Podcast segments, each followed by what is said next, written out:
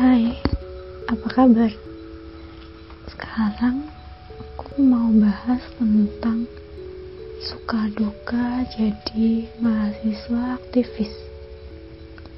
Ya, mahasiswa aktivis itu selalu dibilang tukang demo, murakan, berantakan.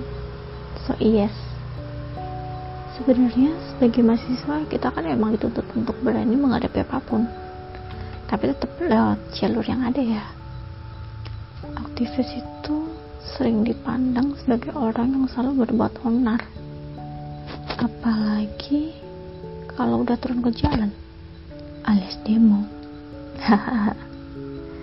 Tahu nggak sih kenapa kita bisa demo?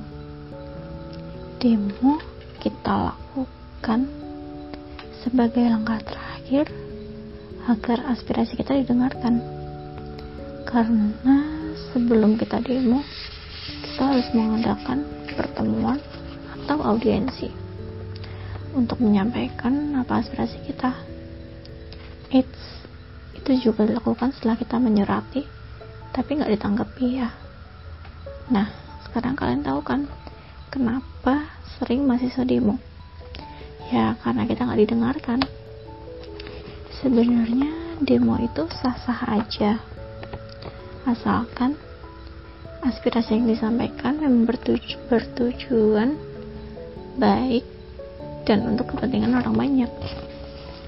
Tapi kalau aspirasi yang dibawakan mengandung sara kepentingan politik atau buat keuntungan sekelompok orang sekelompok orang aja ya itu menjadi salah. Saat aspirasi kita didengarkan kita nggak bakalan kok bersikap anarkis tapi memang tidak dipungkiri dari setiap aksi alias demo yang ada pasti ada aja penyusup yang sering membuat rusuh. Jadi demo ya terasa kacau balau. Terlepas dari fungsi demo mahasiswa adalah penyambung aspirasi dari rakyat. Hmm, cukup ya sukanya menjadi aktivis ya kita bisa bertemu orang-orang tanpa canggung. Apalagi kalau kita menjadi anggota sebuah organisasi yang anggotanya banyak banget dari berbagai daerah. Temu anggotanya pun terasa seperti piknik dengan teman. Beberapa organisasi kan memiliki jadwal temu untuk anggotanya.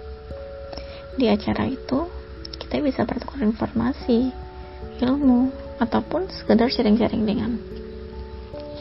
Nah, di situ kita juga have fun, mempelajari apa yang ingin kita pelajari.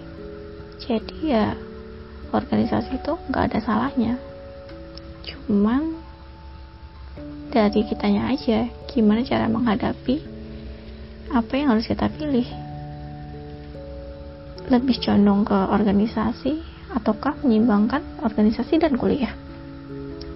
Tapi ya itu tergantung dari kamu sih. Kamu bisa nggak menyimbangkannya kalau kamu bisa berarti kamu adalah aktivis yang hebat. Nah silahkan pilih.